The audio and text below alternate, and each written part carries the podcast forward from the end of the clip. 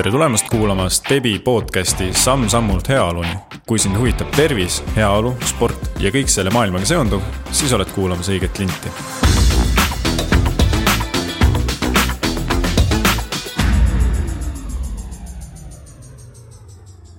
aga olgu äh,, alustame siis äh, nagu ikka väikse tutvustusega, mina olen Ott Blum, üks äh, Stebi tiimist ja täna minuga siin vestlemas sooritus- ja spordipsühholoog Kristel Kiens kes eh, oskab meile ehk täna avada eh, rohkem hoopis eh, töökoha ja töökeskkonna vaimse tervise teemasid. tere, Kristel! tere, Ott! nagu ikka, inimene tunneb iseennast kõige paremini ja et kuigi lühitutvustus tegime, siis äkki sa oskad ise täiendada, millega sa tööalaselt kõige rohkem hetkel kokku puutud? Äh, ma tegelikult puutungi mm, kahe sellise võib-olla natukene erineva suunaga, et ma tegelen, üks osa minust on kindlasti, kes tegeleb äh, üks-ühele äh, inimeste arengule kaasaaitamisega, vaimsete oskuste arengule siis ennekõike. ja samas ma töötan ka inimestega, kes tegelevad inimeste arendamisega ehk siis inimestega, kes on nende ümber, näiteks treenerid, õpetajad. kui ma räägin ühest keskkonnast, kus ma siis väga palju aega veedan, mis on siis Audentse spordigümnaasium ja samas ma töötan ka organisatsiooni arendamise suunal, mis on mind viinud ka äh, organisatsioonide vaimse tervise juurde ja miks see teema on mulle hästi oluline, et me teeme Audentases mõningaid asju selleks, et vaimset tervist nagu kollektiivselt toetada. ja samas ma näen ka seda, et äh, ka sellised teemad nagu näiteks koostööteemad ja ühel lainel olemised, väärtuste toetamine, omavaheline suhtlemine, kõik need asjad tegelikult vajavad tegelemist, see ei ole selline asi, mis tuleb lihtsalt nii-öelda justkui juhtub iseenesest. nii et selliste organisatsiooni arendamise teemadega tegelikult ma olen päris palju kokku puutunud ja, ja samuti ma teen siis tööd ka osade spordiorganisatsioonidega äh,, alaliitudega äh,, teen ka muidugi koolitustööd, et selline üsnagi lai äh, valdkond. ja hoian ennast kursis kogu aeg teadusega ka, et kui ma doktorikraadi lõpetasin nüüd eelmisel aastal, et siis see on alati valdkond, mis mind huvitab ja ma arvan, et ei saagi tööd teisiti teha, et natuke ikkagi tuleb sellega ennast kogu aeg kursis hoida mm. -hmm. ja noh, tundub, et äh, oleme selles suhtes õige inimese otsa sattunud, et vaimne tervis ongi sinu suur töö ja kirg justkui siis samal ajal ja. aga äh, kui küsida sinult äh,, siis mis on näiteks sinu jaoks heaolu? kui võtta see üks sõna. see on väga hea küsimus ja see on tegelikult äh, ka selline küsimus, millel on väga erinevaid arvamusi, ma arvan, et mida täpselt see tähendab. ja minu jaoks, kui ma mõtlen isiklikus plaanis ja mõtlen ka, no ma ei saa päris eristada professionaalset ja isiklikust, et eks me, me ju oleme natukene ikkagi üks ja seesama. et nii nagu ma professionaalses elus lähenen, sellel on see ka tegelikult minu jaoks. ja minu jaoks see tähendab seda, et sa elad tähenduslikku, terviklikku, kohalolevat elu Äh, sa oled oma kogemustes kohal, äh, see ei ole mugav elu. see on selline, kus sa teed midagi, mis sulle korda läheb. ja see on midagi sellist, kus sa, sul on energiat panustada ka endast väljapoole. et see heaolu minu jaoks ei ole kunagi ainult indiviidipõhine, et see on midagi sellist, mis mul on justkui. et me oleme ikkagi sotsiaalsed olendid, nii et see heaolu minu jaoks seostub alati sellega, et kui palju äh, ma üks asi suudan anda endast väljapoole kas siis tööalaselt või siis ka näiteks ähm, sotsiaalsetes suhetes, ütleme eraelus äh,. ja teine asi ka see, et kui palju ma suudan nii-öelda äh, kohal olla lihtsalt ümbritsevas keskkonnas, olgu selleks loodus, olgu selleks, ma ei tea, pargis jalutamine, et ma tunnen, et ma suudan kohal olla selles kõiges, et äh, jah, ma arvan, et midagi sellist, et see ei ole nüüd ilus selline lühike definitsioon, aga võib-olla kirjeldab ära midagi, mis ma heaolu all mõtlen. Äh, väga hästi, sellepärast et äh, ma võib-olla räägin paljude eest, et kui selline küsimus tuleb, siis heaolu on tihtipeale, mõtle ainult iseendale, et mis on see minu, minu jaoks heaolu, aga tegelikult äh, sa kirjeldasid ka lahti hästi, et see võib olla ka keskkond sinu ümber. et see on hästi palju omavahel seoses. aga kui minna nüüd suurema pildi juurde, ehk siis vaimne tervis. et äh, ehk alustaks kohe algusest, et äh, mida mõtlevad siis eksperdid või psühholoogid vaimse tervise termini all või et kas on nagu üldse ühtset tegelikult arusaama sellest? seal on erinevaid lähenemisi, äh, kui nüüd lähtuda sellest, mida ka Maailma Terviseorganisatsioon edasi annab vaimse tervise all, siis äh, see on jällegi muidugi ajas muutunud, mis on hästi tore. et sinna äh, esialgu võis olla vaimne tervis rohkem midagi sellist, et mul ei ole vaimseid häireid, mul ei ole vaimseid raskuseid ja siis mul ongi vaimse tervisega hästi. nüüd on see arenenud ja, ja nüüd on siis see uus nii-öelda definitsioon on midagi sellist, kus ei ole rõhk ainult häirete puudumisel ja raskuste puudumisel, vaid seesama definitsioon ütleb ka seda, et meil on Ähm, võime panustada ja olla ühenduses oma igapäevategevustega. olgu selleks töö, olgu selleks mingisugused sotsiaalsed tegevused, olgu selleks laiemasse ühiskonda panustamine. Äh, nii et see vaimse tervise mm, definitsiooni või mõistmisesse on tulnud juurde ka see positiivne pool et ta ei ole midagi sellist ainult, mis ütleb, et meil häireid pole ja meil justkui raskuseid pole, see on see tüüpiline see Eesti selline suht okei okay või, või normaalne. et see ei tähenda veel, et sul vaimse tervisega väga hästi on, et sealt on nagu ülespoole ka minna. ja ma arvan, et see osa on just see, millest äh, on vähem olnud juttu äh, mis on ka okei okay,, sest tavaliselt ikkagi, kui on näiteks mingid kriisiolukorrad, mis meil on ka ju olnud juba mitu aastat. Et siis lähebki tähelepanu rohkem sinna, et me proovime kõigepealt nagu justkui tegeleda nende murekohtadega aga samas on hästi oluline ka see, et me mõtleme sellest positiivsest poolest. sest kui me pöörame tähelepanu vaimse tervise sellele plusspoolele, siis me saame tegelikult ka ennetada ja, ja anda inimestele rohkem ressursse, kuidas raskustega toime tulla, sest raskused tulevad niikuinii. et ega ma arvan, need olukorrad, mis meil praegu on, ega need ei jää ju viimaseks nii et äh, jah, ähm, see nüüd natuke, natuke läks kaugemale sellest konkreetsest küsimusest, aga, aga jah, et see vaimne tervis on palju laiem kui see, et ta on lihtsalt see, et mul ei ole raske praegu või mul pole suuri häireid.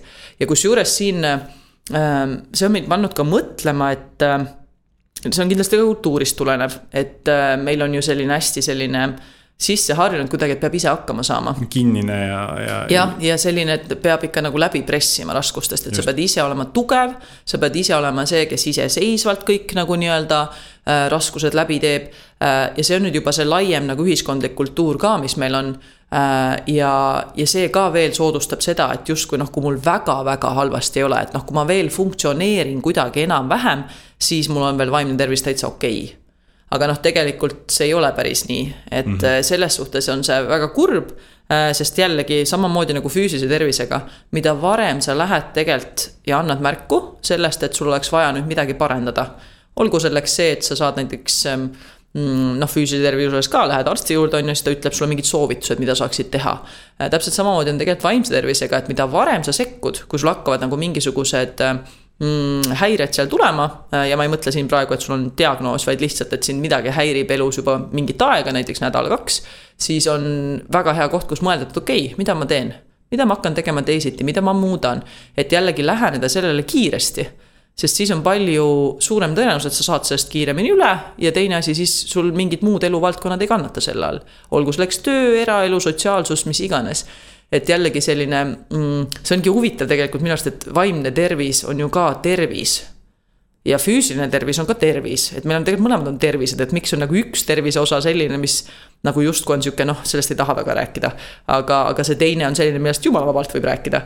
ja no eks see on arusaadav ka, et see on alles ju teemaks tulnud viimaste aastate jooksul ja eks see kõik võtab aega, et selles suhtes see praegune, mis on to toimunud läbi nende kriiside, on tegelikult selles mõttes väga hea. et see on tulnud diskussiooniks ja eks see niiviisi vist käibki, et kõigepealt me näeme seda kriisi poolt ja siis me hakkame nägema neid positiivseid külgi ka, mida me saame teha, et jah. just, just, et äh, kirjeldasid nüüd seda äh, et teie jaoks või noh, teie psühholoogide ekspertide jaoks on siis see positiivne pool ka olemas, aga mis sa arvad, kas nagu tavaline inimene praegu veel mõistab, et vaimne tervis saab olla ka positiivne? või see muutus on veel nagu alguses või toi-, alles nagu toimumas? ma arvan, et seda inimesed tajuvad, aga nad võib-olla ei pane seda niiviisi tähele et, et justkui selline ja selle kohta tegelikult on kirjutatud ka, inglise keeles on selle termin, ma ei oska eesti keeles hästi öelda, on languishing. mis on siis põhimõtteliselt täpselt see, et mul on nagu sihuke möh olla. et see ei ole nagu otseselt see, et sul on vaimse tervisega probleeme aga sul ei ole nagu hästi ka. ja kusjuures uuringutest on näidatud seda, kes on uurinud siis just äh, ähm, kui palju nii-öelda inimesi selles möh-olekus on, siis see protsent on väga kurvalt suur et äh, ja, ja ollaksegi sellega rahul justkui. noh, rahul on nüüd palju öeldud, on ju, me ei tea seda, kui rahul aga keegi on. viga pole ju midagi. aga justkui ei tehta midagi. ja vot see ongi, ma arvan, see kurb pool, et me ei teagi, et tegelikult saab olla palju parem ja selleks saab midagi teha et justkui see plusspoolde jõudmine on selline asi, mis noh, justkui juhtub et noh, vahepeal on, siis ma nagu naudin seda, siis on tore, aga ma ei registreeri ära, et ma saan ise teha selleks midagi, et olla seal plusspooles. ja plusspool ei tähenda seda, et mul on kogu aeg mõnus ja mul on kogu aeg lihtne ja mul ei ole ühtegi raskust, üldse mitte. et see plusspool ja see on, selle vastand on siis flourishing, äh, üks äh, teadlane Keys on selle nii-öelda vaimse tervise kontiinumi äh, autor ja tema siis kirjeldas seda, et kuidas on meil selline kontiinum, kus on flourishing ja on siis teises otsas on, on languishing ja flourishing eesti keeles on siis õitsemine. ma ei tea, kas seda eesti keeles veel kasutatakse, täpselt sellise termini vist isegi kasutatakse. aga see on nüüd see, mis näitab, et su vaimne tervis on heas kohas. sul on energiat, sa tahad suhelda, sa tahad panustada, sa mõtled kaasa, sa oled äh, seotud oma igapäevategevustega, et sa oled nagu põnevil, sa oled uudishimulikult ühenduses. ja, ja see on nüüd see, mis on hea vaimne tervis justkui. aga väga palju on ikkagi seda, et me oleme seal möh ja noh, see ongi sihuke noh, Harju keskmine, et mida ma ikka vingun, et tegelikult on ju noh, ei ole halb ka. ja vot see on nüüd see koht, äh, kus tegelikult ma näen, et on väga palju paremaks saada äh, ühiskonnana üleüldse ja töökeskkonnad kindlasti, sest sealt tuleb ka see innovaatilisus, loovus, produktiivsus, efektiivsus, hea koostöö, et ma nii mäletan, et ma mm, ükskord kuulasin, ma ei mäleta täpselt nüüd, kes see oli, kes seal podcast'is rääkis, aga rääkiski, et kuidas tema ülesanne juhina, ta oli ühe äh, rahvusvahelise firma tippjuht. ja ütles, et tema ülesanne on see, et ta tahaks jõuda sinna, et enamus töötajaid, kes tulevad tööle, lähevad ära sama energiaga. mitte see, et nad lähevad töölt ära niimoodi, et oh. Ja, ja see on ikkagi äh,, ei saagi öelda, et see on justkui juhtide süü, absoluutselt mitte, aga lihtsalt see on väga paljude inimeste igapäev ja tegelikult saab seal väga palju ära teha, et ta ei oleks selline. et äh, jah, jälle pikk vastus, ma lähen natukene siin igale poole, kuna need teemad on sellised, aga. aga, aga jaa, nii et ühesõnaga seda peaks ka võib-olla teadvustama rohkem, et tegelikult mm -hmm. saab paremini, sest ma arvan, et päris paljud ka ei tea ja need, kes on selles nii-öelda õitsengus, äh, siis nad sõidavad selle peale ja naudivad seda, aga nad võib-olla ei seosta ära, mis, mis need tegurid on, mis mind sinna viivad. võib-olla väike eneseanalüüs aitab, et üks päev olen õnnelik, siis võib-olla sellel oli kindel põhjus, mis sa tegid ja jätkata seda, on ju, et. ja, ja noh, kindlasti on palju asju, mis ju ei ole meie kontrolli all, noh näiteks ja. ütleme, meiega juhtuvad toredad asjad, siis mul on äkki see sihuke õnnelik, mõnus tunne. Aga jällegi see, et me õpime aru saama, et on ka päris kindlad sellised asjad, mis ma saan ise teha selleks, et olla rohkem seal. nii et äh, jah, see on, võib-olla ongi valdkond lihtsalt, millest ei ole väga palju juttu olnud veel mm. -hmm. ja, ja kuidas seda siis arendada, et äh, Ehm, kindlasti koht, mis äh, jälle vajab natukene tööd. aga siit saab võib-olla hästi edasi minna, et äh, mis on need võib-olla vaimse tervise baasid või, või suurimad mõjutajad äh, tavainimesele, ütleme siis igapäevaelus? Vot seal on nagu hunnikus tegureid, et mm -hmm. seal võivad olla tegurid, nii tegurid, mis tulevad keskkonnast tegurid, mis tulevad indiviidi enda eripäradest, tegurid, mis tulevad laiemast ühiskonnast et on jällegi psühholoogias on selline nii-öelda ähm, ökoloogiline teooria, mis siis väidabki seda, et meil on erinevad keskkonnad, mis meid ümbritsevad ja need kõik mõjutavad meie nii-öelda sihukest vaimset tervist ja heaolu. samamoodi on biopsühhosotsiaalne mudel, mis siis ütleb ära seda, et meil on nii geneetilised tegurid ehk siis bioloogilised tegurid, mis meid mõjutavad, meil on psühholoogilised ehk siis äh, indiviidist tulenevad tegurid ja siis meil on nii-öelda äh, sotsiaalsed tegurid, mis siis on inimesed meie ümber, kes meid ka mõjutavad ja keskkonnad, mis meid mõjutavad. ja need kõik tegelikult kombineerituna võivad mõjutada meie vaimset tervist. aga siin mm,, siin on jällegi mm, kui mõelda, et inimene ise nagu ähm, saaks aimu, et kuskohast mingeid muutuseid teha, siis see jällegi sõltub väga palju ka võimalustest, mida ta mõjutada saab ja kui rääkida näiteks organisatsioonidest, siis organisatsioonides kindlasti võiks olla nagu mõlemad pooled, et midagi, mida tehakse nii-öelda organisatsiooni tasandil, midagi, mida tehakse indiviidi tasandil.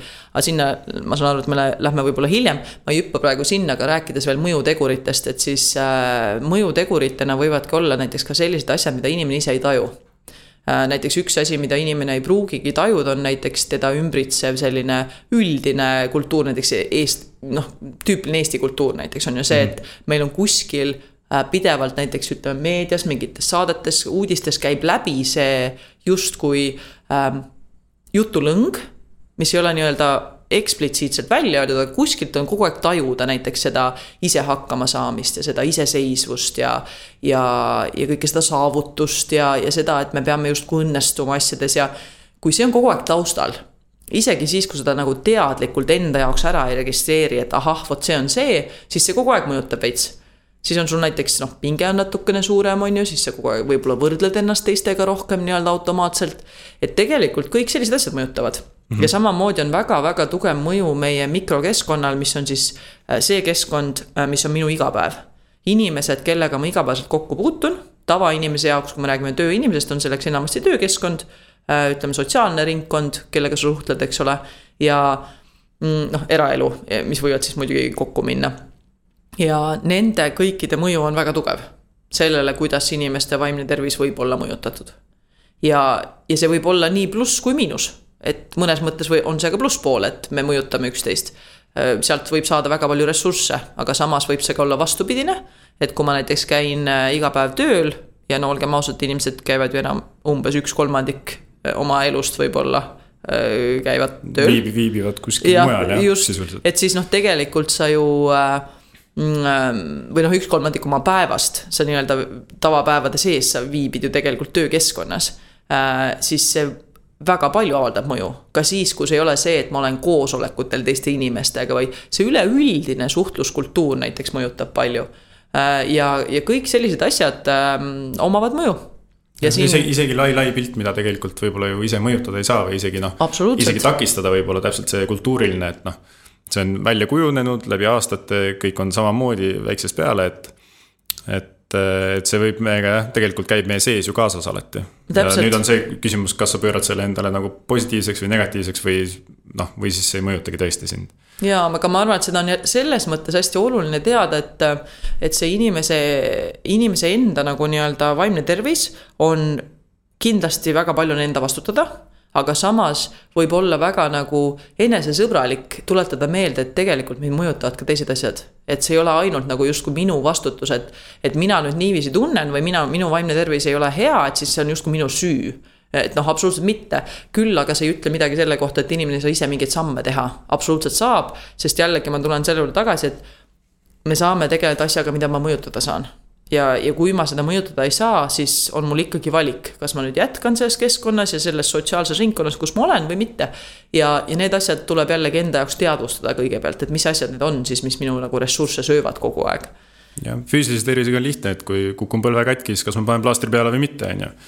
aga, aga jah, see äh, sotsiaalses keskkonnas võib-olla piiride tajumine on kindlasti teistsugune aga kui juba puudutasime seda organisatsioonide küsimust, siis äh, tõesti, et vaimne tervis töökohal on äh, personaliinimestele, juhtidele, ettevõtte juhtidele paras nagu peamurdmine.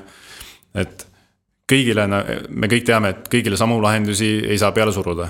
aga teistpidi kõik, kõigiga arvestamine tundub nagu ka võimatu või keeruline, on ju, et tuleb leida see balanss. et, et kas töökoha justkui vaimsel tervisel ja koduse keskkonna vaimsel tervisel, kas seal on nagu väga suured äh, vahed, et äh, inimeste kuidagi, kas nad tunnetavad neid erinevalt või tegelikult see kõik nagu on sujuv igapäev? vot see ongi hästi huvitav, äh, selles mõttes on see juba väga huvitav küsimus, sest tegelikult me oleme ju üks ja sama inimene. et kuigi keskkonnad vahetuvad, siis me oleme mõjutatud sellest keskkonnast niikuinii Äh, vahet ei ole, kas ma nii-öelda ise ja ma saan jällegi ise päris palju teha selleks, et ma ei lase sellel nii palju mõjutada, aga ta mõjutab ikkagi. et, mhm. et selles suhtes on see paratamatus, nii et isegi inimesed, kellel näiteks ütleme, kodukeskkond on jube heas kohas äh, kui näiteks ja tema, toon lihtsalt näite ja tema näiteks töökeskkond on väga stressirohke, hästi pingerohke. mis siis juhtub, on see, et tema äh, nagu igal inimesel ressursid vähenevad tööpäeva sees. ja nüüd, kui tema läheb koju, siis ja ta on näiteks väsinud, tal ressursse eriti pole, siis see võib hakata mõjutama koduseid suhteid. sest okei okay,, muidugi kodused ju toetavad ja on seal olemas, aga kui see näiteks väga pikka aega nii on ja äkki neil kodustel on ka raske päev, mis siis saama hakkab? üks pool kaalub teise üle lõpuks peab olema arvatavasti. ja kui mõlemal on ressursid otsas, mis siis on, et see ongi see, et tegelikult äh, me ei saa nagu alati toetuda sellele, et näiteks, et mul vot seal on hea ja seal mina ennast laen mm. -hmm. sest ma ei tea, mis seis teistel on ja vahetevahel ma pean ju teisi toetama.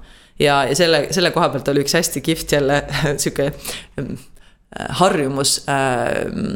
Brene Brown, kes kirjutab päris palju ka sellistel äh, juhtimis- ja, ja organisatsiooni teemadel ähm,. ja tema on ähm, ühes podcast'is jälle kirjeldas väga hästi, et tal on äh, mehega on selline komme. mõlemal on suhteliselt pingeline töö ja siis tulevad koju ja siis esimese asjana, kui nad kodus näevad, siis nad ütlevad, et kui palju energiat on sajast protsendist ja siis nad teevad sellest lähtuvalt äh, järeldusi. No näiteks ütleme, see on hästi kihvt näide minu arust, et äh, tulevad koju, siis üks ütleb, et täna mul on nelikümmend. aa ah, okei okay,, davai, mul on kaheksakümmend, ma katan sinu osa ära. et nad kogu aeg tahavad nagu jõuda sinna, et nad üksteist nagu katavad. aga kui nad jõuavad koju niimoodi, et näiteks ühel on lapsed ka, on ju, et siis vaatavad näiteks, et kui ühel on kakskümmend, teisel on kaheksakümmend, siis see, kellel on kaheksakümmend, tegeleb lastega. noh, midagi sellist. ja siis, kui tulevad koju ja mõlemal on madal. ühel on näiteks kolmkümmend ja teisel on näiteks viisteist, on ju, siis on see, et okei okay, nii, nüüd me teeme seda, et ütleme, et lastele, et äh, täna meil on vaja seda, seda õhtut. võtame, tellime toitu, ei tee ise süüa, ei kuluta rohkem ressursse, et noh, hästi teadlikult. ma teadvustan ära, et mis seis mul on ja siis ma teen sellest lähtuvalt muudatused natukene hüppasin jälle sellest küsimusest kõrvale, aga, aga jah, et noh, tulles tagasi, me ei saa tegelikult äh, jääda lootma noh, ühe valdkonna peale et ikkagi, kui mul ühes keskkonnas, kus ma päeva jooksul olen, on konstantselt selline olukord, kus mul kogu aeg ressursid kuluvad, siis tuleb midagi ette võtta. ja ei saa nagu jäätma, jääda sinna, et ahah, et mul see teine pool justkui nagu kogu aeg toetab ja katab, et see ei pruugi alati lihtsalt nii minna mm. -hmm kuigi tegelikult äh, ma ei tea, kas see päriselt kah, aga tegelikult seda saab ju kanda üle ka töökeskkonda. et alustad tööpäeva, oletame, see ongi oluline paaristöö, tiimitöö. Äh, anda hommikul teada, mis justkui enesetunne on, et siis ju tegelikult äh, töökeskkonnas ka vähemalt isiklikult ütleks, et kui ma tunnen ennast hästi, siis ma muidugi saan võtta ju kelleltki koormat maha, kellel on praegu keerulisem. et äh, ma arvan, et see tõesti on võib-olla esimene sihuke praktiline nipp võib-olla. kas töö või kodukeskkonnas ära kasutada. Äh, ma ei tea, kas ka isegi lastelt võib sihukest asja küsida, et palju õhtul energiat on, et võib-olla teada, kuidas need emotsioonid hakkavad mängima, on ju.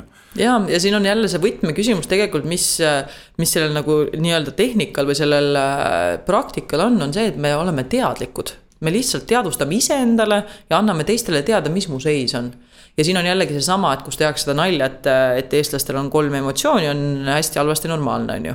no tegelikult see ei ütle ju mitte midagi. kõik ja, on sama. ja, ja kui ja mina juba ammu praktiseerin seda, et kui ma kelleltki küsin, et kuidas sul läheb ja ta ütleb mulle ükskõik mida vahet ei ole, mis ta ütleb, ma küsin, et oo, et see on huvitav. et mis sul siis toimunud on viimasel ajal, ma alati küsin juurde ja see tihtipeale inimesi üllatab. et nad ei olegi mõelnud, nad peaksid sealt midagi vastama, siis nad hakkavad päriselt mõtlema ja siis nad võib-olla jõuavad üldse sinna, et tegelikult ei olegi seis selline, võib-olla nad jõuavad just vastupidi, jõuavad sinna, et hm, aga tegelikult mul on see ja see ja see. et ähm, see esimene peamine samm, mida saab iga inimene teha ja mida ka organisatsioon ja tiimid saavad teha, on see, et me lihtsalt õpime reflekteerima ennast. See on samamoodi nagu me paneme kraadiklaasi alla siis, kui meil on füüsilise tervisega sihuke, et no ma ei tea, et ma tahan teada, kuidas mul seis on. Seesama küsimus, kuidas mul päriselt läheb, skaalal näiteks nullist kümneni, me ei pea isegi sõnu kasutama. ärme siis lähme sinna, et me proovime anda mingit emotsioonisõna, mis on tegelikult väga hea oskus mm, -hmm. aga noh, kujutame ette, et see on liiga palju. kasvõi see, et andagi, et sul on enda oma heaoluskaala, sa küsid vaata hea küsimus, et mis sinu jaoks heaolu on ja heaolu ongi subjektiivne. nii et kui inimene näiteks ise tunneb, et okei okay,, minu heaoluskaalal praegu on mul seitse. mul on näiteks kaks, siis mitte keegi ei saa vaielda, et ei, ei, ei, ma ei tea, et äkki sul on ikka nii ja tegelikult see aitab, et selles suhtes iseennast märgata ja sellele võiks nüüd jälle jätkuda mingid äh, tegevused mm. -hmm. et mitte see, et me jäämegi sinna kinni, et ahah, mul on seis selline, ma ei ja... saagi midagi teha. absoluutselt mitte, et äh, siis ongi, et sa teed lihtsalt äh, realistlikud järeldused, et ahah, nii, mis ma teen, et oma nagu asjadega edasi minna, näiteks kui sa tõid selle töö näite, väga hea näide enne koosolekut näiteks ongi näha, et inimestel on sihuke nii ja naa olek, teha väike ring, kuidas meil praegu selle heaolu või energiatasemega on selge, okei okay,, kas me saame midagi kõik koos teha selleks, et meil oleks pisut parem. või mis on siis see, mida me, millele me täna keskendume, et kui kõigil on täna näiteks neli kümnest. okei okay,, võtame mingi teema, mis on lihtsam, mis on sihukene, millega me saame ikkagi hakkama. et me ei tee ka seda, et viskame jalad seinale ja me ei tee tööd, et noh ikka peab ju tegema mm, -hmm. aga lihtsalt valida, et ta annab jälle hästi palju tarkust juurde, et see. selline psühholoogiline tarkus on tegelikult väga hea asi, noh, mida endas arendada ja reflektsioon on esimene asi, kuidas seda hakata lihtsalt arendama sammuhaaval ja isiklikult arvan, et äh, iga inimene ikkagi suudab ennast kõige paremini ju reflekteerida. aga noh, jällegi oleme eestlased, et võib-olla ongi see alustamine näiteks ka töökohal, et öelda päriselt välja, et äh, täna ei ole see päev või, või. kuuled, kuidas kõigil on hästi, aga sul võib-olla ei ole, siis sa ju tegelikult noh. sisemiselt tahaks karjuda, aga teistpidi ütled, et lähed vooluga kaasa, ütled tegelikult mul on ka hästi. et äh, eks aus olemine on kõige keerulisem, sest noh kardetakse ükskõik mille pärast, et kuidas reageeritakse, aga noh. mida rohkem me sellest räägime, siis tegelikult see ongi ju reaalsus ja. ja tegelikult võib-olla teised tulevad sinuga kaasa, ütlevad ei, mul ka pole hästi, on ju. Mhm. ja noh, töökeskkonnas on see ka tegelikult väga selline, saab seda teha ka väga ratsionaalseks. sest noh, see lihtsalt annab aimu, millele me keskendume ta võib, ta ei pea üldse isegi hõlmama seda, et me hakkame nüüd lahk-, see ei peakski olema see, et me hakkame nüüd kellegi muresid siin praegu kõik koos arutama, absoluutselt mitte. ja, ja mõni inimene võib-olla ei tahagi jagada, aga oluline on see, et me teame, mis on seis, me mõistame, et teisel inimesel selline seis on. ja nüüd proovime sellest lähtuvalt teha targemaid valikuid, millele me keskendume. sest kui inimene on endaga raskes seisus, olgu see väsimus, olgu see kurbus, olgu see viha, mis iganes tal on, mis teda vaevab, siis tal ei olegi võimalik keskenduda nii hästi, nagu ta muidu teeks see konkreetselt mõjutab sinu töö lihtsalt võimekust ja efektiivsust, nii et ta on lihtsalt vajalik info. et kui see on alguses väga ebamugav, näiteks ütleme, pannagi sinna emotsioonisõnu või, või ütleme, öelda, et mis siis tegelikult on, ei peagi sinna minema. aga lihtsalt anda märku, et me mõistame seda, et see olukord on täna nii, me proovime sind toetada sellega, et võtame siis praegu selle teema või, või ma teen selle täna ise ära, et see juba on väga suur toetus nii-öelda vaimse tervise mõttes ja võib-olla järgmine päev see inimene tuleb palju teistmoodi energiaga tagasi. et see ei peagi olema suur asi, väiksed asjad juba aitavad mm. -hmm aga rääkides veel äh, nendest muutustest, mis on viimaste aastatega toimunud, et äh, räägime küll vaimsest tervisest jah, rohkem. aga teistpidi teeme ka tööd nagu erinevates kohtades rohkem. et äh, on kaugtöö, hübriidkontorid, suhtlemine ainult internetis. ja, ja ka tegelikult ju töökohad on läinud väga rahvusvaheliseks, et me suhtleme teiste kultuuriruumidega, kus on võib-olla natukene teised reeglid või väljendataksegi oma heaolu nagu teistmoodi. et, et kas sellised muutused praegu maailmas on, on mm, kas neil on märgata äh, näiteks igapäevatöös sinul siis või psühholoogidel, et selline hübriidtöö on muutnud nagu organisatsioonide mudeleid või, või muutmas seda keskkonda tervikuna? no ma kindlasti saan ainult rääkida sellest, mis, millega mina olen kokku puutunud ja, ja need organisatsioonid, millega mina puutun kokku, on kõik need, kes ootasid pigem seda, et saaks aeg läbi ja saaks nagu ikkagi isiklikult kokku saada. küll aga on jäänud võib-olla rohkem kultuuri seda, et lubataks näiteks mingeid selliseid kodukontoripäevi et jällegi, kui inimene ise tahab, aga samas, samas siin on hästi erinev, see on nii individuaalne, et millises firmas mis nagu toimib. ja oluline on just see inimese nagu mm, eripära ka, et kas talle, kas teda toetab see, et ta saab nagu nii-öelda kodus teha tööd. või teda toetab just vastupidi, see, et ta läheb tööle, sest ega selle mm, pandeemia ajal, kui me olime kõik sunnitud seisus, siis ega paljudele see ei sobi üldse et ta peab justkui nagu kodus tegema tööasju ja mõnele teisele jube hästi sobib. et see on väga individuaalne, seda nagu ei oskagi otseselt öelda, et äh, kumb nüüd rohkem on. küll aga ma tean, et mõnedel näiteks äh, äh, firma juhtidel on ka olnud sellist probleemi, et inimesed ei taha tulla tagasi. kuigi tegelikult tema näeb näiteks, et oleks vaja justkui. ja siis tuleb jälle tegeleda selle nii-öelda mm, ühtsuse tunde loomisega. ja ühtsust on ka kahte moodi, üks on sotsiaalne ühtsus, teine on ülesande ühtsus ja, ja need mõlemad on tegelikult tähtsad, et kui inimene tajub seda, et äh, tema näiteks töötiimis on ju, on mõlemad, on sotsiaalne ühtsus ja on äh, ülesande ühtsus, mis on siis see, et meil on ühised eesmärgid, me saame aru, mida me teeme, me saame aru, miks me teeme, meil on ühised väärtused, meil on ühised arusaamad, siis selle kaudu äh, võiks olla võimalik jälle jõuda sinna, et tegelikult on täitsa arusaadav, et me oleme kohal et see, see ei toimi, et kui see on justkui kellegi nagu öeldud, et vot mina arvan, et nii peaks olema mm. -hmm. et kui tahta ikkagi jõuda nagu vaimset tervist arvestavalt ja vaimset heaolu arvestavalt sinna, et inimesed käiksid töökohal, mitte ei töötaks kodust, siis selle vajaduse ja selle olulisuse peab neile looma. ja, ja selles peavad nemad olema kaasatud, et nemad peavad ise nagu oma arutelude, kogemuste, diskussioonide läbi aru saama, miks see tähtis on. Sest muidu see lihtsalt äh, töötab vastupidist, et siis see töötab pigem niiviisi, et see on justkui nagu kohustus, justkui nagu sunnitud aga jällegi ma arvan, et ega sellel ähm, juhil, kellel on probleem sellega, siis ta peaks ka läbi mõtlema selle poole, et aga miks on vajalik, et nad on siin. ja kui see on selge, siis tuleb see ühiselt ka selgeks teha ja siis on nagu. ja selgeks tegemine ei tähenda seda, et mina ütlen nii on. vaid, vaid äh, läbi diskussioonide, läbi arutelude. ja, ja siis inimesed on jällegi noh, psühholoogiliselt inimesed on valmis tegema rohkem asju. kus nad tunnevad, et nad saavad aru, miks me nii teeme kõige sellisem äh, kurnavam asi on tihtipeale see, et kaks asja, et kas mul pole valikut või teine asi see, et ma ei saagi aru. ma päriselt ei mõista, et miks ma peaksin olema siin. ja, ja vot siis on probleem, sest et siis inimese motivatsioon selle all kannatab ja siis ta käibki niimoodi poolsunni korras ja noh, see mm -hmm. ei aita kaasa tegelikult ka töö produktiivsusele et kui inimene on ikkagi tööga ühenduses ja nii-öelda selline aktiivselt tahab panustada ja kõik, et see eeldab ikkagi seda, et sul on ka motivatsioon sellega tegeleda nii et äh, jah, äh, see on võib-olla praegu, mis ma oskan nagu selle pealt öelda, et see tuleb jälle laiemalt nagu läbi mõelda mm. -hmm noh, võib-olla vanasti oligi lihtsam, et oligi ainult üks valik ju tegelikult, kas sa käisid või, või ei käinud mm, -hmm. aga nüüd jah, tehti liiga, võib-olla liiga vabaks, et inimesed peavad äh, koos siis organisatsiooniga või ettevõttega ju tegelikult leidma selle ühise suuna, mis on kõige efektiivsem mõlemale. absoluutselt, jaa. ilmselgelt jah, sundida ei saa, nagu sa ütlesid, aga aga teistpidi inimene peab ju ennast äh, hästi ka tundma, et, et saaks tööd efektiivselt teha mm. -hmm. aga oletame, et nüüd ongi inimene, kes teeb efektiivselt tööd, aga tal on organisatsioonis inimesed äh, või kolleegid, kellel tundub olevat mure. ükskõik milline. kuidas sa lähened talle mm -hmm. või, või kas sa, kas sina oled see õige inimene lähenema?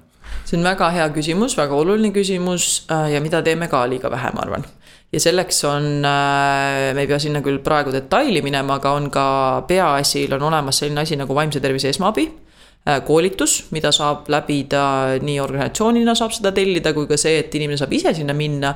ja see vaimse tervise esmaabi ongi täpselt selleks. ta on nii-öelda täpselt samamoodi nagu inimesed oskaksid anda füüsilise tervise esmaabi, oskavad nad anda vaimse tervise esmaabi ja seal on äh, viis sellist nii-öelda põhilist komponenti, mis tegelikult keskenduvadki sellele, et kuidas me märkame, kuidas me läheneme ja, ja kuidas me nii-öelda proovime kaasa aidata, aga kaasaaitamine ei tähenda, et sina pead tema probleemi lahendama. sest tegelikult on esimene asi on see, et äh, märgata, mitte ainult enda sees, vaid anda sellest ka teisele inimesele märku. ja seda saab alati teha jälle niiviisi, et me valime kindla koha, kus me seda teeme. et ütleme näiteks, kui on tegemist suure koosolekuga ei pruugi olla kõige parem koht, äh, kui paned midagi justkui nagu kõrva taha, et ahah, ma näen, et tal on raske. leida see koht, kus on turvaline, äh, kus on äh, kedagi võib-olla teist nagu ümber ei ole igaks juhuks. ja lihtsalt andagi märku sellest, mida sa märkad. andagi märku, et ma märkan, et sa oled kuidagi muutunud, sul on Mm, varem sa olid näiteks ütleme rohkem selline ja nüüd ma näen, näen, et sa oled natuke rohkem endasse tõmbunud, et. et kõigepealt tuua välja, mida sa märkad, teha seda hoolivalt ja, ja siis anda talle võimalus äh, jagada, kui ta tahab. aga see jällegi on asi, mida ei saa kuidagi peale sundida äh,. küll aga saab julgustada teda mm, oma probleemile lahendust leidma aga kindlasti ei pea olema seesama inimene see, kes seda probleemi lahendama hakkab. Äh, küll aga võiks ta olla abiks selleks, et et äh, julgustada teist inimest edasi tegelema oma asjadega. ja, ja vahepeal piisab ka sellest, et me lihtsalt kuulame. et andagi teisele inimesele võimalus lihtsalt rääkida, et väga palju ikkagi inimesi juba toetab see. kui ta näeb, et keegi teda märkab ja saab aru, et tal on raske ja ta saab seda jagada. niiviisi, et teine inimene lihtsalt kuulab. ei paku midagi vastu, ei hakka tema probleemi lahendama, lihtsalt kuulab ja ütlebki, et ma mõistan, ma mõistan, et sul on raske, ma saan aru, et see on päris keeruline olukord sinu jaoks ja alati võib pakkuda, et kuidas ma saaksin sind aidata. või kas sa soovid, et ma, et ma kuidagi sind aitaksin. Äh, aga see ei eelda seda, et ta seda teeb. nii et selles suhtes on see ähm, jälle siuksed lihtsamad baasasjad, aga oluline on tegelikult ja miks see äh, vaimse tervise esmaabi koolitus on hästi tore tegelikult, et ta õpetab ka iseenda vaimse tervise eest hoolitsema. sest ega kui ma teisele pakun, ma pean ju iseennast oskama ka jälgida. et jälle seesama näiteks äh, asi, et ma ei võta teise muret enda kanda, sest see on asi, mis võib risti vastupidi käituda ja, ja sellepärast on, on, on see lähenemine nagu hästi tore ja mm, kui nagu mõelda, et inimene näiteks ise, ise tahab midagi öelda, siis märkamine ja andmine, teada anda, et ma ma hoolin ja ma olen siin. See on juba väga suur asi mm. -hmm. ja seda me teeme natukene liiga vahe, äh, vähe, pigem on võib-olla see, et me hoiame eemale. et ma saan aru ja seal võibki olla põhjuseks see, et ma ei julge sest mis ma teen siis, kui ta hakkab midagi jagama, äkki ma ei oska midagi öelda. ja äkki ma ei oska õigesti reageerida ja see on jumalast loomulik, et inimestel need küsimused tekivad. et sellepärast ongi lihtsalt hea teada, kuidas kuulata, kuidas peegeldada, et teine asi veel, mida Mm, see äh, vaimse tervise esmaabi kaasab, ongi see, et kuidas me peegeldame. Kuidas me peegeldame vastu seda, mida inimene ütleb mulle. ja see peegeldamine iseenesest on juba see, mis mõjub toetavalt. nii et tegelikult seal on lihtsad sammud, aga kui inimene ei ole sellega varem kokku puutunud, siis on arusaadav et see võib olla talle täiesti ebamugav siis ma pigem hoian eemale. ja kahjuks see jah, vaimse tervise toetamisele kaasa ei aita, nii et äh, ja väga julgustan selle kohta uurima, et mm. -hmm ja, ja see ei pea nüüd olema konkreetselt see lähenemine, aga lihtsalt see, et äh, uuridagi, et kuidas ma saan nagu vaimse tervise esmaabi kellelegi anda. et selle kohta on ka materjal olemas, nii et mm. -hmm, nii et kõigile veel, et peaasi.ee, sealt leiab selle üles mm. -hmm. ja, ja noh, väga hästi välja toodud minu arust, et äh, tõesti, et peale teise märkamise märka ka iseennast, on ju. ja, ja just see, et äh, ära küsi, mis sul viga on, vaid lase siis teisel inimesel rääkida ja peegelda seda, et, et see analüüsi koht kindlasti on väga oluline. aga kui me juba peaasi.ee-st räägime, et seal on ka olemas näiteks selline asi nagu, kui me räägime veel endiselt organisatsioonist, vaimse tervise tegevuskava ja arenguprogramm töökoha jaoks siis et äh, sealt äh, kõikidele tööandjatele ja juhtidele äh, võtaksin ühe tsitaadi ka. et või väikse lõigu, et uuringud näitavad, et kui vaimse tervisega töökohal eesmärgipäraselt tegeleda, võib iga sellesse investeeritud euro tuua tagasi kuni üheksa eurot. sest kasvada võib töö produktiivsus, kahaneda haiguspäevade arv kui ka varakult pensionile minejate hulk. vaimse tervise väärtustamise kasuteguriks võib olla parem tööõhkkond ning personali voolavuse vähenemine. et et, täpselt kui me tavaliselt arvame, saame ka selle jutu justkui peegeldada, et füüsiline tervis, et ole füüsiliselt terve. siis inimene on kauem tööl, tal on vähem muresid, aga tegelikult vaimne tervis on täpselt samasugune. et äh, aga küsimus siinkohal, et äh, äkki sa natukene oskad seda tegevuskava tutvustada, et mis see siis täpsemalt on või mis see pakub mm? -hmm Äh, jaa, kindlasti ja, ja sellega, nagu sa ütlesid, saab seal kodulehel tutvuda ka, aga mõte on, siin on jällegi kaks asja, et nagu me natuke sellest rääkisime, et esimene asi on see, et me nii-öelda kraadime või saame teadlikuks, et mis seis meil on. Ja selle tegevuskava nagu suur mõte ongi see, et äh, kõigepealt oleks organisatsioonil võimalus äh, analüüsida Mm, kas siis ütleme mõne sellise juhtfiguuriga või mõnede inimestega, kes rohkem töötajatega kokku puutuvad ja kes oskavad hinnata seda nii-öelda organisatsiooni kui terviku ülevaadet. lihtsalt analüüsida, et kuidas meil vaimse tervisega praegu on. ja me oleme seal selles ähm, tegevuskavas samamoodi proovinud lähtuda sellest vaimse tervise kontiinumist.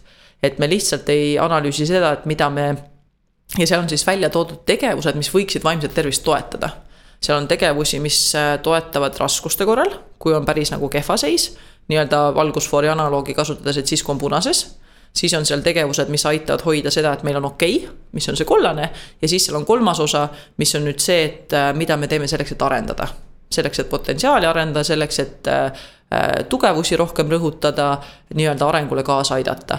ja seal on siis erinevad tegevused mis äh, võivad siis ühel, teisel või kolmandal puhul aidata.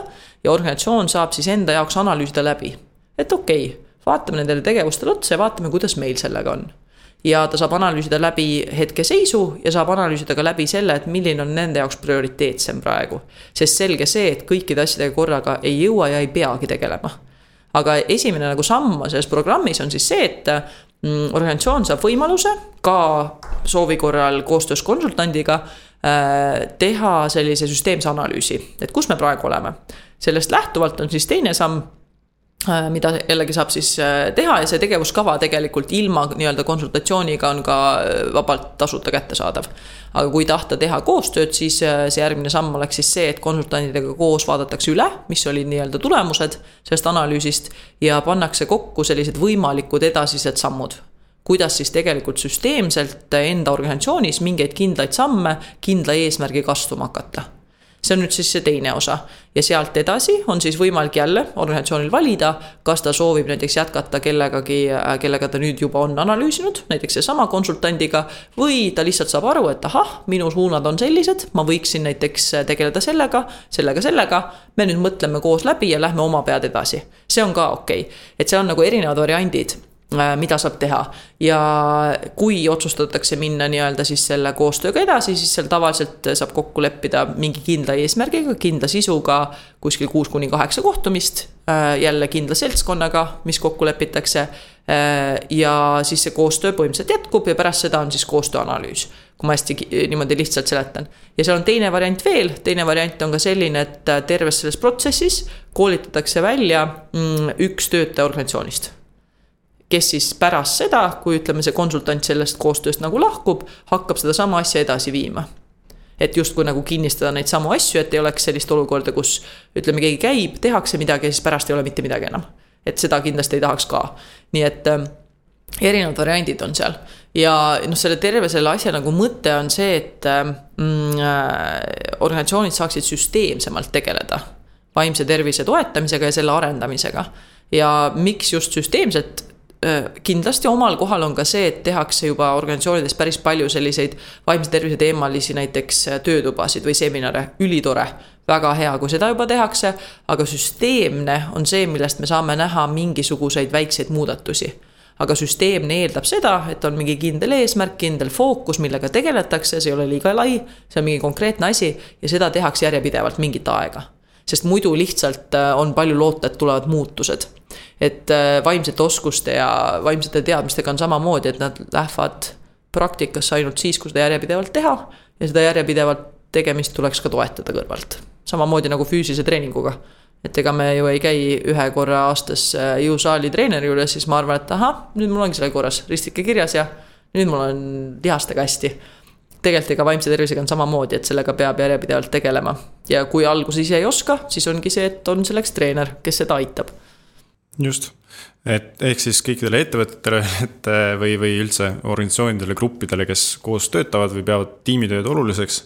et siis äh, leiate selle vaimse tervise äh, tegevuskava ja arenguprogrammi töökohale peaasi.ee ja seal oli ka väga häid väikseid nippe, et kes tahab lihtsalt meelde tuletada, mida võib-olla märgata või mingeid uusi ideid, kuidas võib-olla ise siis jah, sisse nii-öelda tööellu sisse panna mingeid vaimse tervise nurki või nippe, siis need olid ka seal olemas kui veel rääkida korraks organisatsioonist, et alati me mõtleme natukene noh, et ettevõtjad ja organisatsioonid, kõik on sihuke kontoritöö arvuti taga. aga tegelikult on ju, paljud inimesed teevad nagu liikuvat tööd ja nad ei istu päevast päeva kontoris inimestega koos, kas siis nad on üksi või grupiga või. et äh, nii-öelda ehitajatest kuni kulleriteni, et kas nende tööstress iseenesest, oletame, kui me räägime tööstressist, äh, on kuidagi erinev võrreldes sellega, mis on kontoriinimestel stress on üldse väga erinev ja kõik stress ei ole halb. et see on ka nagu üks asi, mida me võib-olla võiksime rohkem rääkida ühiskonnas, et äh, stress iseenesest ei ole üldse halb asi. stress on see koht, kus võib tulla ka areng. aga see eeldab seda, et stressist äh, läh-, stressile järgneb ka periood, kus me saame jälle oma nii-öelda ressursse laadida. ja see stress võiks olla niisugune, mis on nagu tähenduslik stress, noh, ütleme näiteks äh, toon sulle lihtsalt näite, et kus stress võiks kasulik olla, et kui ma näiteks võtan tööle uue väljakutse. mingi asjaga hakkan tegelema, mida ma pole varem teinud ja mul on tulemas nüüd selle esitlemine. See, et mul enne seda esitlust ja selle projekti nii-öelda arendamise ajal mul on kerge stress, see on pigem hea. selles suhtes, et ta näitab, et ma olen oma mugavustsoonist väljas, ma tegelen millegagi, mis ei ole mulle veel nii-öelda omane, ei ole mugav. ja seda on vaja, kui me tahame arengut näha Äh, küll aga on ka see nii-öelda siis äh, jutumärkides negatiivne stress, mis on siis see, et ma lihtsalt, ma kurnan ennast kogu aeg. ja, ja vot see on nüüd küll selline asi, mis äh, ma arvan, et absoluutselt ei sõltu sellest, mida inimene teeb. sest et see on hästi palju seotud sellega, kui palju inimene nagu oma stressi võimendab äh, enda sees ja seda me saame teha oma mõtetesse kinnijäämisega või oma tunnetesse kinnijäämisega. et noh, näiteks kuigi näiteks kõrvaltvaataja võib vaadata, et vot, et näed, sellel ehitajal on ikka nii raske töö ja sellel kontoritöötajal on palju lihtsam töö. aga kui näiteks ehitaja näeb seda, et see on väga tähenduslik, mis ta teeb, ta naudib seda füüsilist tegevust, talle meeldib see, ta saab nagu tasuta jõusaali sinna selle töö kõrvale, on ju. tal on seal head töökaaslased, tema jaoks on see palju vähem stressirohke kui näiteks kontoritöötaja jaoks, kellel kõrval ta ei ühendu nende inimestega. töö on sihukene, et ta ei näe enda arengut seal ta tegeleb millegagi, aga ta ei näe sellest tähenduslikkust, ta ei saa kaasa rääkida, tal on kogu aeg samad ülesanded, tema stressitase võib olla oluliselt kõrgem. et tegelikult see ei sõltu väga palju sellest nii-öelda töö olemusest, vaid väga palju sellest ikkagi, kuidas inimene suhtub sellesse töösse. et stressi saab isegi tegelikult mingil määral ka positiivseks ju enda jaoks mõtestada või keerata, et. absoluutselt. et noh, paljud ju noh, eriti veel näiteks sportlased ja tippjuhid, nad ju. Nende tulemused tulevadki tänu sellele, et neil on mingi pinge, neil on mingi soov sellest kasvõi pingest vabaneda, aga vähemalt nad selle perioodi siis nagu pingutavad selle nimel, on ju. jaa, aga kindlasti on jällegi see, et kui see stress on kogu aeg, et isegi ka siis, kui sa teed tähenduslikke asju, aga sul on kogu aeg pingeseisund, siis see, sellega sa kaua ei purjeta. siis sa põhimõtteliselt lihtsalt põled hästi heleda leegiga ja siis millalgi saab see energia ikka otsa. et igal juhul on vaja ka stressi kõrvale sellist nii-öelda ressursside laadimist ja, ja oskusi ka stressiga toime tulla. et äh, kindlasti ei taha jätta nagu sellist muljet, et justkui hea stress on kogu aeg hea, ei ole. et ka seal on see, kus tuleb nagu leida see nii-öelda tasakaal selle vahel ja see on kusjuures äh, jällegi noh, tippjuhtide ja selliste hästi mm, pühendunud töötajate või ka sportlaste üks selline natukene nagu hiljuse kand, et et justkui nagu, kui ma kogu aeg tegelen oma arendamisega, et siis see ongi hea. noh, tegelikult me peame ka seal võtma vahepeal selle hetke, et võtta paus, saada aru, et kus ma jõudnud olen, hinnata oma arenguid, märgata neid väikseid arenguid, neid väärtustada. mitte see, et kogu aeg edasi, edasi, edasi, paremini, paremini, paremini. niimoodi sa lihtsalt põled läbi.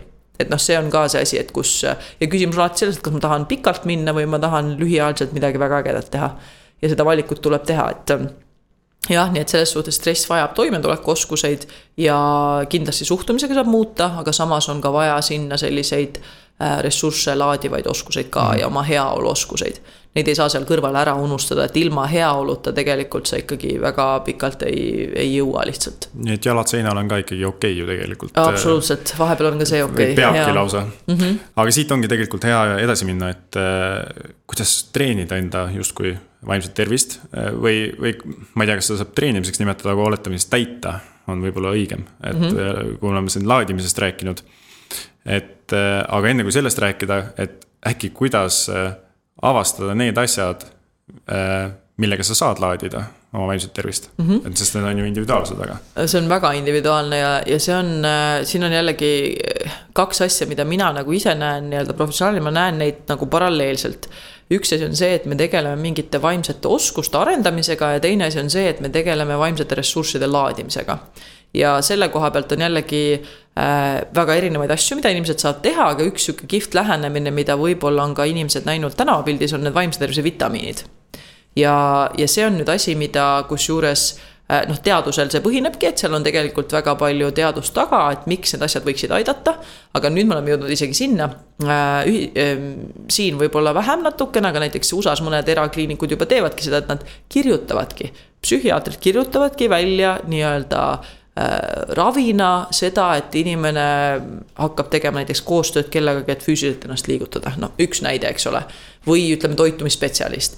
ja noh, need viis vaimse tervise vitamiini tegelikult ongi, on head suhted. see, et meil on kvaliteetsed suhted teiste inimestega, see on üks, ma arvan, kõige olulisemaid asju, et näiteks Harvardi uuring, mis on äh, kestnud vist üle saja aasta juba. Ja sealt on ju tulnud välja see, et äh, need, kes kõige kauem hästi elavad, mitte lihtsalt pikaealised, vaid hästi elavad, on need, kellel on hästi kvaliteetsed suhted. see on nagu kõige tähtsam nii-öelda tegur selles pikaealisuses. Ähm, nii et head suhted on üks asi, teine asi on see, et me kogeme päeva jooksul häid emotsioone, et mul on midagi, mis mulle seda toob. Äh, siis kolmas asi on see, et ma liigutan ennast leian ja sa ütlesid väga hästi, et individuaalselt, eks. et sa leiad mingi liigutamisviisi, mis sulle meeldib, mis sind kõnetab, mis on sinu jaoks kosutav. ja vahepeal võib kosutav olla ka see, et ma lähen mingisse intervalltrenni ja pane, pingutan täiega, eks, et see sõltub jälle inimesest, et kas tegemist on sihukese, sellise inimesega või mõni tahab minna joogasse. ja lihtsalt teha sellist hästi rahulikku venitust, et väga erinev jälle. Äh, mitmekülgne toitumine on samamoodi, mis on äh, hästi oluline asi selleks, et nii-öelda enda vaimset tervist laadida Äh, ma mõtlen, kas ma, aa ja muidugi uni ja puhkus, täpselt. ja see on ka selline asi, millest saab väga palju ära teha ja millest räägitakse palju nüüd, on see tulnud teemaks, et siin kindlasti äh, Jaan Aru on väga palju, äh, väga palju väga ägedat tööd teinud selleks, et tõsta seda rohkem pilti. ja nüüd just hiljuti oli lugelemise seminar ja noh, selliseid asju tehakse, et see on väga-väga kihvt. Ja Fred Jüssi muidugi, kes räägib sellest palju, et lihtsalt olla. Äh, nii et äh, see ei ole ainult ööuni, see on ikkagi puhkus nagu üleüldiselt ka. Mm ja, ja noh, unest sellest võiks teha täitsa eraldi teemast, et see on nii suur teema. et ma ei hakkagi sinna praegu hüppama, nii et need on nagu sellised baasasjad, mis tegelikult aitavad väga palju toetada inimese vaimset, äh, vaimsete ressursside tagalat justkui. see on justkui nagu sihukese baasi loomine, et sul on nagu nii-öelda tassi kogu aeg midagi tilgub. ja neid võiks olla iga päev mingis väikses formaadis, jällegi see ei pea olema suur asi see ei tähenda seda, et sa pead iga päev minema poolteist tundi trenni tegema, aga see, et sa natuke teed midagi. Ja sellepärast äh, on see nimetus vitamiinid minu arust hästi kihvt, et see ongi, et sa võtad natuke, ei pea olema hästi palju. nii et need on mõned asjad, mis sa saad teha mm, ja, ja kindlasti üks selline asi ka, mis inimesi väga palju kipub väsitama, on see, et me veedame liiga palju aega oma mõtetes. ja me veedame liiga palju aega kogu aeg tegevustes nii et selliste teadveloleku pauside võtmine, kus ma päriselt ei tee mitte midagi. Ma lihtsalt, äh, kui mul näiteks kahe, toon töönäiteid on ju näiteks organisatsioonides, kuidas seda saaks rakendada. lihtsad näited, näiteks sul üks koosolek lõpeb, ära võta kohe oma telefoni kätte. lihtsalt keskendu sellele, kuidas sa kõnnid, kui sa kõnnid järgmisele koosolekule või kõnnid oma kabinetti enne kui sa avad arvuti, võta hetkel lihtsalt, et istuda ja korraks tunnetada, kuidas sa hingad. vaadata natukene aega ringi ja hakata nüüd tööle. et see ei pea olema pikk, aga siuksed teadlikud väiksed pausid, kus sa oled lihtsalt hetkes kohal ja sa ei tegele millegagi. on väga head ressursiallikad, sest eh, noh, aju jaoks on väga-väga väsitav see, kui ma kogu aeg olen tegevusest tegevusse, mul ei ole pause.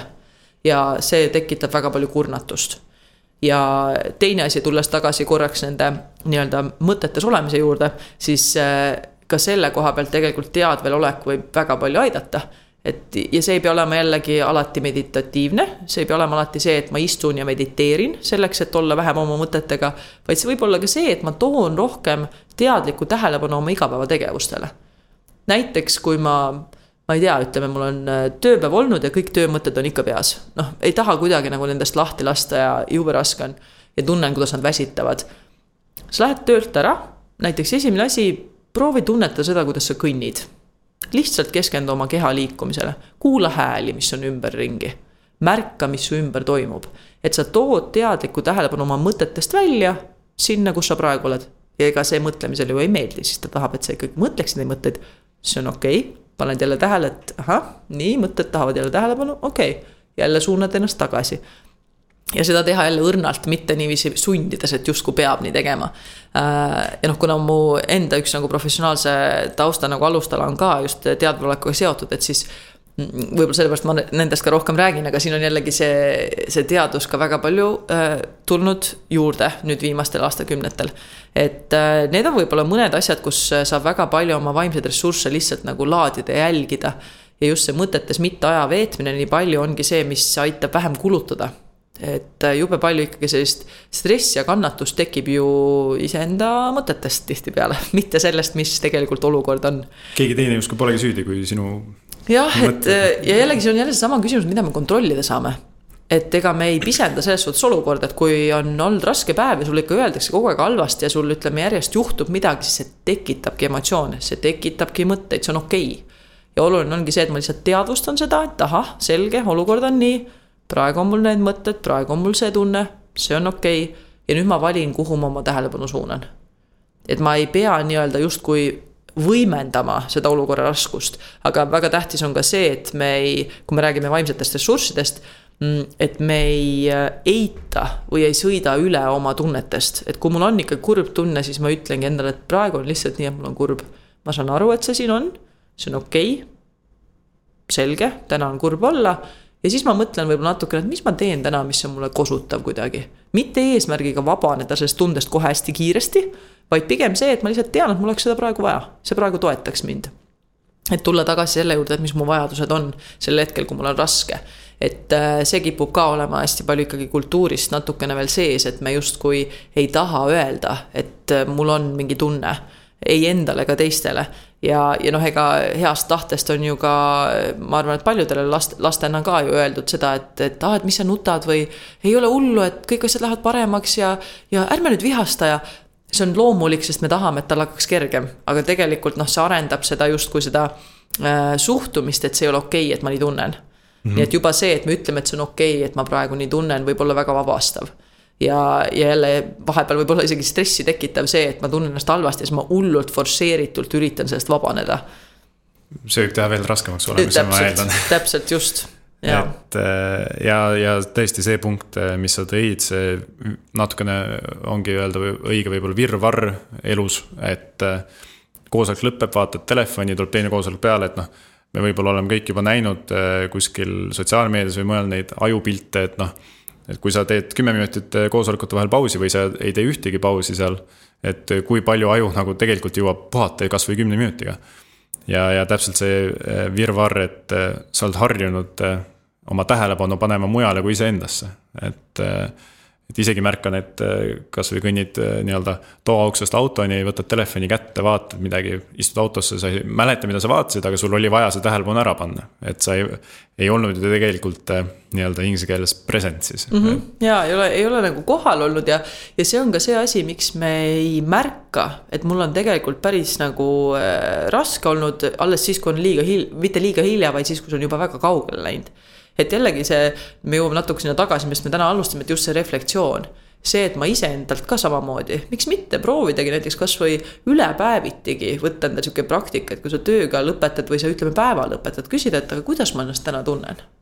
mis mu sees toimub, et äh, mis olek mul praegu on ja võttagi aega lihtsalt natuke tunnetada. et okei okay,, kuidas mul täna läinud on hmm,? okei okay,, täna on siis nii, et ma nagu õpin lihtsalt märkama ja küsima endalt päriselt ka, kuidas mul läheb mitte mhm. see, et ma lihtsalt annan kiire vastuse ja panen edasi jälle, vaid, vaid tõesti võtta neid hetki ja, ja sealt võib päris palju head infot saada, et ähm, enne kui see asi on nagu niimoodi, et ma pean nüüd nädal aega pausi võtma.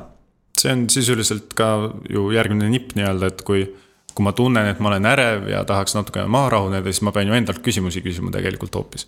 et keegi teine ei saa mind rahustada, võib-olla ju tegelikult, et, et ise märgata, millega oled hakkama saanud või et kas on mingid tegurid, mida sa saad ju ise mõjutada. aga kui mul nüüd on tõesti tunne, et endal on nii palju küsimusi juba iseendale, et vastuseid enam ei tule, et kust endale siis abi leida, kui ma tõesti arvan, et ma olen nii ummikus, et nüüd vastuseid ei tule enda küsimustele isegi. ja ma loodan, et see avatus pöörduda kellegi spetsialisti poole tuleb enne, kui ollakse ummikus. see on võib-olla esimene asi, et kui ma ikka, mitte isegi see, et ma, kas ma saan ise vastuse, aga just see, et kui ma näiteks märkan ikkagi juba noh, ikka juba ütleme nädal-kaks juba, et mul ongi, noh, ongi energiatase on madal. Ja, ja ma ei oska nagu leida põhjust, noh, ütleme, see ei ole see, et ma olen haige, see ei ole see, et mul on, ütleme lihtsalt, ma ei tea, kõik asjad kogu aeg iga päev kokku langenud, mis juba tundub ebaloogiline kaks nädalat järjest. et, et kui sa ikkagi pikka aega märkad seda, siis juba võiks olla hetk. ja vahepeal võibki pöördudagi sellega, et ma ei saagi praegu aru, mis mul täpselt on. et mul lihtsalt, ma olen nagu, mul ei ole energiatase hea olnud juba pikka aega, see on okei okay., et selle põhjusega võib juba minna. aga, aga noh, mis on ikkagi esimene, esimene selline väike murekoht, mis on mitmetes riikides murekoht ja kindlasti ka meil on see, et ega abi saamine ei pruugi olla kiiresti olemas kohe. Äh, küll aga on sellised äh, esimesed äh, asjad, mida saab teha, et on olemas ju selline emotsionaalse toe liin, kuhu saab helistada. on olemas ka näiteks peaasjade juurde tulles on olemas e-nõustamine, kuhu saab pöörduda. on olemas ka mm, alati on võimalik minna ka perearsti kaudu, et perearst on ikkagi esimene kontakt, kelle kaudu saab liikuda edasi nii-öelda siis äh, vajaliku vaimse tervise abi juurde. Äh, ja Eesti, ütleme, meditsiinisüsteem on ikkagi päris palju ka toetub era äh, nii-öelda abile. nii et noh, see on alati variant, aga see jällegi eeldab juba suuremaid ressursse. nii et kindlasti esimesed asjad võiksid olla kasvõi see mm, emotsionaalse toe liin peaasi.ee-s on ka äh, olemas äh, nõustamisteenus nii-öelda e-nõustamise nõustamine on veel eraldi. noorte nõustamine on eraldi, et äh, ja täiskasvanud võivad samamoodi sinna emotsionaalse toe liinile helistada ükskõik millal, et sealt jällegi suunatakse edasi. et sealt saab tegelikult väga head infot, et kuhu ja kuidas pöörduda. ja tegelikult võib-olla ka äh, üks variant on ju, et võib-olla polegi vaja sul professionaalset abi, vaid sul on vaja lihtsalt rääkida. et eh, ma eeldan, et ka esimene nii-öelda eh, pere või tuttavate või, või ka töökaaslaste ring võib olla see vabalt, et kui sa saad selle välja räägitud, siis äh, see hakkab lahendus ise nagu, lahendus hakkab ise kooruma sealt. kindlasti ja, ja see on väga hea, et seda mainid, et ma kuidagi automaatselt läksin sinna professionaalse toe juurde kohe. aga see on jällegi sihuke pluss ja miinus, aga see on ka inimestel harjumus. Et tehti Eestis Tai ja Tartu Ülikool tegid koos uuringu, kus siis puudutati just meie ühiskonna nii-öelda vaimset tervist kaks tuhat kakskümmend kaks oli see uuring vist, kui ta välja tuli. Äh, ja seal oli ka välja toodud, et kaks kolmandikku äh, Eesti inimestest tegelikult kas proovib ise hakkama saada või pöördub oma lähedaste poole. ja sealt tegelikult tuli välja natuke see murekoht, et professionaalse abi poole ei taheta pöörduda. Äh, ja on seal siis erinevad põhjused, kas see, et ei usuta, et on abi, kas see, et ei saada kätte, kas see, et raske on jõuda, erinevad põhjused. aga jällegi kindlasti siin võiks jälle olla abi, et kui ka kodused oskavad anda vaimse tervise esmaabi ja nad oskavad ise aidata äh, sellele kaasa, et see inimene julgeks pöörduda, siis sellest võib olla väga palju äh, abi jälle sellele inimesele et kindlasti siin on erinevaid variante, aga, aga kasvõi ütleme, kui tulla korraks nagu tagasi selle juurde, et mida inimene ise saab teha äh,. kui ta tunneb, et ta nagu küsimustele vastust ei saa, siis tasub alati vaadata lihtsalt kasvõi nendele viiele vitamiinile otsa korraks. vaadatagi läbi, et okei okay,, kas mul nendest viiest on olnud viimasel ajal nagu need kõik kaetud, sest sealt saab ka päris head infot. ja vahepeal võibki olla see, et inimene saab ise aru, et ta tegelikult on asi selles et tal lihtsalt ongi magamine olnud kehva või ta ei ole saanud liigutada ennast või tal on äh, suhetega mingid asjad, et ta, et ta vaatab nendele asjadele korraks otsa, jah. nii et need viis vitamiini tegelikult võiks ju olla nii-öelda märkmikus või telefonis alati käepärast äh, kirjas, kui meelde ei taha jätta, et. Äh, saab nii-öelda linnukesi teha, kas iga päev ei pea võib-olla, kas iga nädal sa oled nagu tegelenud nendega. üks siis teadlikult või mitteteadlikult, on ju. ja üks vitamiin jäi, jäi täiesti tähelepanult välja, mitmekülgne toitumine mainime tema ka ära, muidu vitamiin jääb üksinda sinna. nüüd on tema ja. ka kambas. hea toit äh, teeb alati rõõmsaks mm. -hmm. ja terveks ka muidugi. olgu, aga oleme siin palju rääkinud äh, nippidest, trikkidest, äh, organisatsiooni poole pealt ka. ja lõpetuseks ikkagi lõpetaks sinuga, et väike kiire. ei ole küll üldse nii huvitav inimene, aga. küsimus-vastusvoor, aga samas keegi ei tea, mis vastused tulevad, võib-olla see aitab jällegi kedagi. kas see on kiire küsimus-vastusvoor äh,? kiire ei pea olema, aga küsimus-vastus küll. vaata, kui kunagi spordis olnud, et siis äh, kohe on küsimus et kas ma pean nüüd reageerima hästi kiiresti või äh,? esimene asi, mis pähe tuleb, ütleme okay. niimoodi siis äh,. esiteks, mis värvi on sinu jaoks tervis ja heaolu? sinine. üks soovitus, äh, see võib olla film, raamat, reisisihtkoht, lihtsalt üks soovitus oi, raamatuid on mul nii palju, mida ma tahaks soovitada, ma olen õudselt suur raamatute lugeja äh,. aga ma jätan selle ära, sest et seal ma jäängi valima. üks soovitus, võta hetk, et lihtsalt olla. väga ilus, kasutage kasvõi tsitaadina äh,. kuigi seda küsimust praegu ei ole kirjas, siis endiselt tegelikult, kui sa ütlesid, et sa oled suur raamatute lugeja, üks raamat ikka oh,. ma pean mõtlema tagasi, sest mul on, mul on siin endal äh, iPad'i kohe siin kõrval, ma vaatan, mis mul siin on. sest äh, ma mõtlen just, et mida oleks nagu huvitav inimestele ka soovitada. Äh, ma tunnistan ausalt, ma loen inglise keeles raamatuid. nii et ma ei ole ammu lugenud ühtegi eestikeelset, tunnistan. ükskord üritasin lugeda nii eesti keeles kui inglise keeles, aga aga lõpetasin ikkagi niimoodi, et see Eesti oma jäi pooleli millegipärast, see on professionaalne kallak, ma arvan nii, vaatame kohe, mul on siin neid muidugi palju, aga mis mul esimesena tuleks soovitusena pähe äh,? mul on üks, mida ma pole ise jõudnud alustada, nii et seda ma ei julge igaks juhuks soovitada, kuigi seda on väga palju kiidetud äh,. nii, vaatame kohe, mis mul esimesena siin tuleb äh,. oo, kindlasti, äkki see on isegi eesti keeles, ma ei tea aga väga huvitav raamat, ta on küll sihuke natukene võib-olla harivam versus selline justkui nagu praktilisele eneseabile suunatud, aga väga hea raamat on uh, How emotions are made, the secret life of the brain, Liisa Feldman Barrett. väga hästi räägib seal lahti seda, kuidas ajus tegelikult emotsioonide nii-öelda konstrueerimine toimub. Uh, ja üks kõige uuemaid lähenemisi tegelikult emotsioonidele väga-väga huvitav, nii et seda ma kindlasti soovitaks. ja äh, A, üks autor lihtsalt, keda ma väga soovitan ka äh, nii-öelda võib-olla jälgida äh, ja lugeda, on äh, Russ Harris. tema on kirjutanud sellise raamatu nagu, ta on ise psühholoog. ta on kirjutanud sellise raamatu nagu Happiness Trap ja Confidence Gap, need kaks raamatut.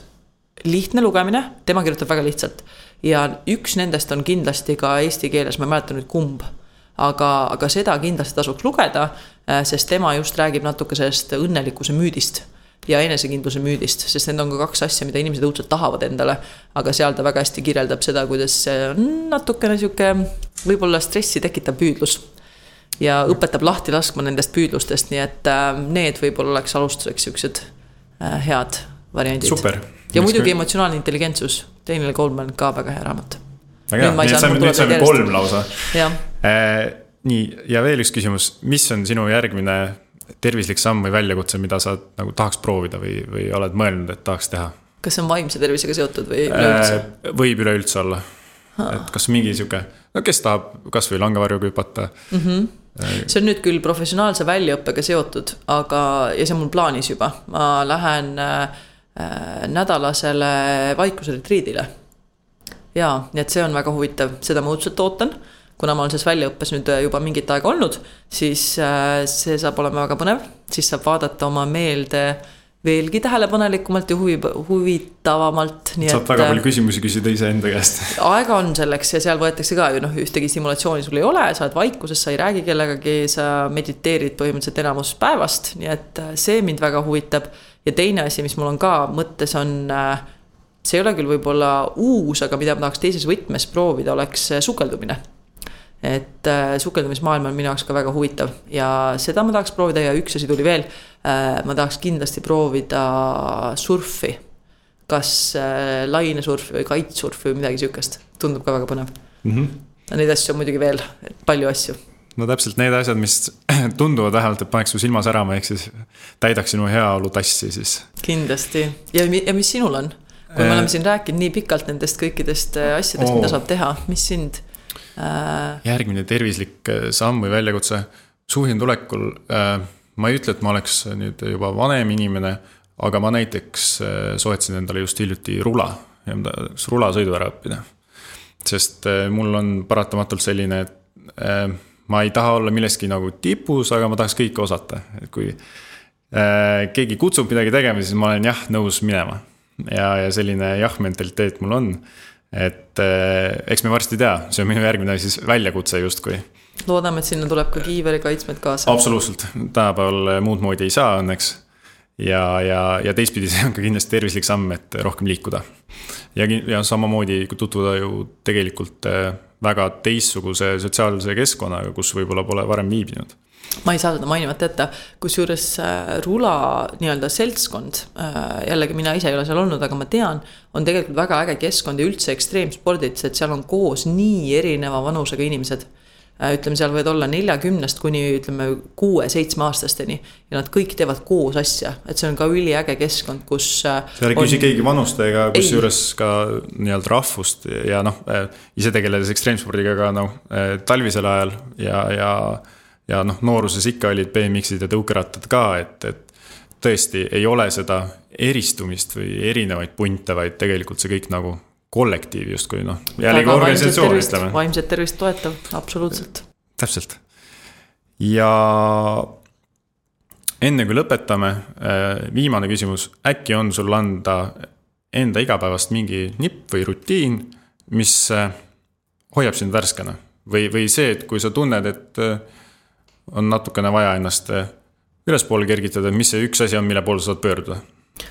ma arvan, mul on kaks asja koos, minu jaoks on see kindlasti, ma tegelikult teadlikult eh, tegelen kõikide nende nii-öelda vitamiinidega suhteliselt regulaarselt.